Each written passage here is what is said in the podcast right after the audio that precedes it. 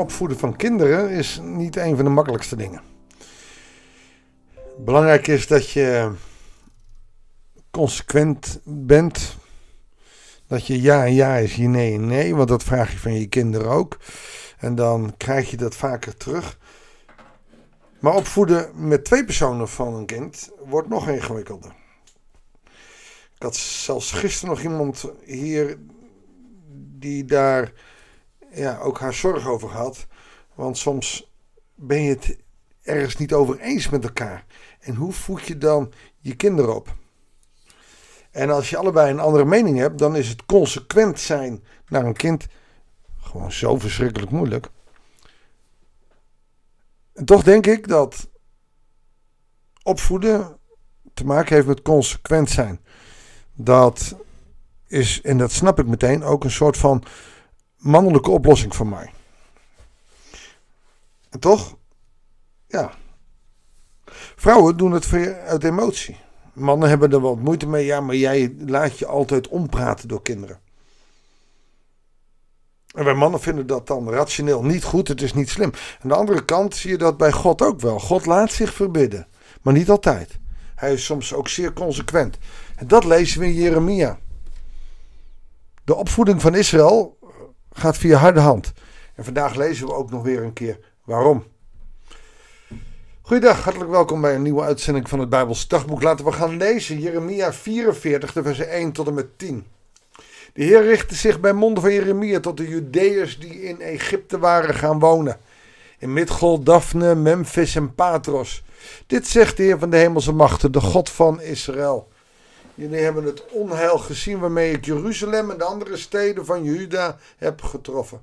Ze liggen nu in puin en woont niemand meer. Dat komt door het kwaad dat jullie hebben gedaan. Laat dat duidelijk zijn.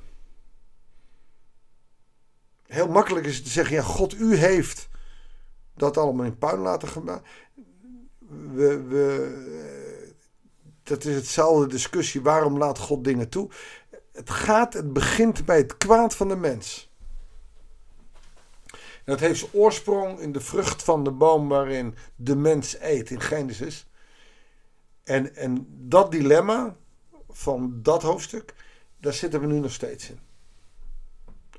Jullie hebben mij gekrenkt door wierook te branden ter ere van andere goden. Jaloers gemaakt. Diep gekrenkt. Die jullie en je voorouders nooit gekend hebben. Jullie zijn vreemd gegaan. Ik zond telkens weer mijn dienaren, de profeten, maar jullie lieten hen zeggen: Staak deze gruwelijke praktijken. Ik verafschuw ze. Maar jullie luisterden niet en weigerden mij gehoor te geven. Jullie staakten de kwalijke praktijken niet en bleven wierook branden voor de andere goden. Jullie vereerden de andere goden. Je kende ze niet, je hebt ze nooit gekend, maar het leek wel makkelijk. Weet je, een niet-gelovige kan je over Jezus vertellen. Maar iemand die allerlei goden heeft, waar die al heel lang voor knielt, is echt moeilijk om die tot bekering te krijgen. Tenzij iemand al moe is van alles wat hij moet doen. Maar het is zo belangrijk geworden voor hem. En dat is wat er in Israël ook gebeurde. Ze konden er gewoon niet meer mee stoppen. Het was veel leuker. Je had beeldjes. Je zag tenminste je God. Ook al deed hij niks. Het was wel boeiend. Toen stortte ik mijn grote woede uit en liet die ontbranden over de steden van Juda, de straten van Jeruzalem. Ze vielen in puin en werden zo de woestenij die ze nu zijn. Maar het blijft erbij dat het in het zinnetje dat komt door het kwaad dat jullie hebben gedaan. Laat dat voorop staan. Nu dan, dit zegt de Heer, de God van de hemelse machten. Dus nu kan je twee kanten op. Of hij gaat nu genade geven. Nou ja, ik vind het toch wel heel erg, dus ik zal jullie een leven laten. Nee, hij heeft ook gezegd, en een beetje man zegt, ja, dan moet je ook consequent zijn. Uh, ik heb gezegd, ik zal de boel uh, aan de pest en het zwaard overlaten. Dus, nou, de vraag is nu wat hij gaat doen. Waarom roepen jullie zulk groot onheil over je af door alle mannen, vrouwen, kinderen en zuigelingen van Juda ten onder te laten gaan, zodat er niets van overblijft? Wat hij nou doet is zeggen, het is jullie schuld even. Je kan het mij niet verwijten, even duidelijk. Waarom tergen jullie mij met wat je zelf gemaakt hebt door in Egypte, waar jullie uitgeweken zijn, wierook te branden voor andere goden, zodat jullie je eigen ondergang bewerkstelligen. Waarom doe je het? Waar ben je nu nog mee?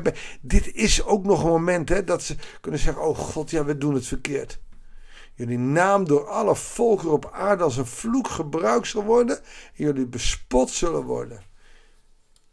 Niet omdat ze zo nodig andere goden, want dat zal de andere volken helemaal niet erg worden. Maar dat ze die levende God, waar zo pretentieus over gedaan is, waar iedereen zo bang voor is, dat ze die nu zelf ten onder laten gaan. Dus het werkt aan alle kanten. Kijk, door bijvoorbeeld de inname van Israël waren er heel veel landen vol ontzag over de God van Israël. En je hoefde Israël maar te noemen. En je had het over zijn God. En, en dan vreesde je, dan beefde je. En niet dat ik nou iedereen bang wil maken en dat dat de bedoeling is. Maar iedereen kende God. Nou, dat is iets wat je jezelf nu kan afvragen in ons land. Kent iedereen God nog? Kennen wij God? Ken jij God? Ja, wij kennen God. Tot op zekere hoogte, maar jouw buurman? Kent hij God? Maar hij gaat nog even door. Zijn jullie het kwaad, vers 9, vergeten dat je voorouders en de koningen van Juda en hun vrouw hebben gedaan? En het kwaad dat jullie zelf en jullie eigen vrouw en Juda in de straten van Jeruzalem hebben gedaan. Oftewel, het zijn niet alleen je voorouders, je hebt het zelf ook gedaan. Ze hebben tot op de dag van vandaag geen berouw getoond. Ze hebben zich niet laten afschrikken. En mijn voorschriften en wetten die ik jullie en je oude, voorouders heb voorgegeven, niet nageleefd. Geen berouw. En, en hij geeft hier nog openheid, hè? Hij geeft hier nog openheid. Als we nu op de knieën vallen daar in Egypte, dit hadden we nooit moeten doen, dan kan het nog, hè? Maar het volk is eigenzinnig. En ze beschuldigen Jeremia ervan dat hij, dat hij de waarheid niet spreekt. Waarom niet? Ze willen de waarheid niet. Ze willen hun eigen waarheid. En daarmee zijn deze mensen niet anders dan wij. Want ook wij willen onze eigen waarheid. Ook heel veel christenen bidden God in hun eigen straatje. En God moet van alles doen, maar omdat wij dat willen. Het vervelende is, God werkt niet zo, maar wij bidden wel zo. Het is bijna Pinksteren. Bidden doen we niet vanuit onszelf, bidden doen we vanuit de geest. We zullen de geest meer moeten laten spreken. Dat betekent dat we meer na moeten denken, maar dat we ook ochtends moeten zeggen tegen de geest, tegen God. Spreek. Uw dienaar luistert. Vul mij met uw geest. Ik wil naar u luisteren. En dan moet je niet meteen gaan werken, want dat heb ik van een neefje van mij geleerd. Dan moet je ook 10 minuten minimaal de tijd nemen om stil te worden. En ik, dat is ook mijn handicap. Stil worden en luisteren naar wat God van ons wil. En dat doe je ook gewoon in de Bijbel te lezen. En dan kom je radicale dingen tegen. En dan moet je niet denken, ja, dat is voor een andere keer.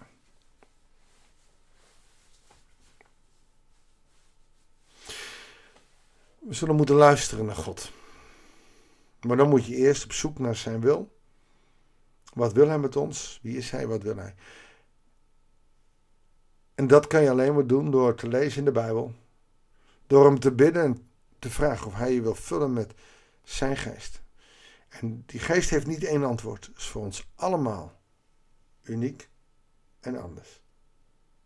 Mag ik je voorgaan in gebed? Heere God, we bidden ook nu om uw kracht, om uw heilige geest. Opdat wij door de kracht van uw geest, door de inzicht en de wijsheid van uw geest, uw wil ontdekken. En dat is geen universele wet, geen universele wil, maar dat is voor ons allemaal kan het anders zijn. En daarom hebben we uw geest nodig, die tegen onze geest zegt wat u van ons wil. Heere God, spreek door ons, door uw woord, door andere mensen, door in ons hart te spreken, hoe dan ook, spreek tot ons. Heer, dat bidden wij u. Want we hebben het nodig om uw wil te ontdekken. We hebben het nodig om niet net als het volk uh, Israël in de tijd van Jeremia ongehoorzaam te blijven en onze eigen ik te volgen. Ze hadden alleen maar in Jeruzalem en omgeving hoeven blijven. En u had ze beschermd, Heere God, en ze kiezen voor de dood in de pot. Wilt u ons helpen om daaruit in ieder geval radicaal ons voorbeeld te halen? zodat we niet worden zoals uw volk al zo lang is, maar eigenlijk ook wijs zijn. Vergeef ons. Zegen ons zo. In Jezus' naam. Amen. Dankjewel voor het luisteren. Ik wens je God zegen en heel graag tot de volgende uitzending van het Bijbelsdagboek.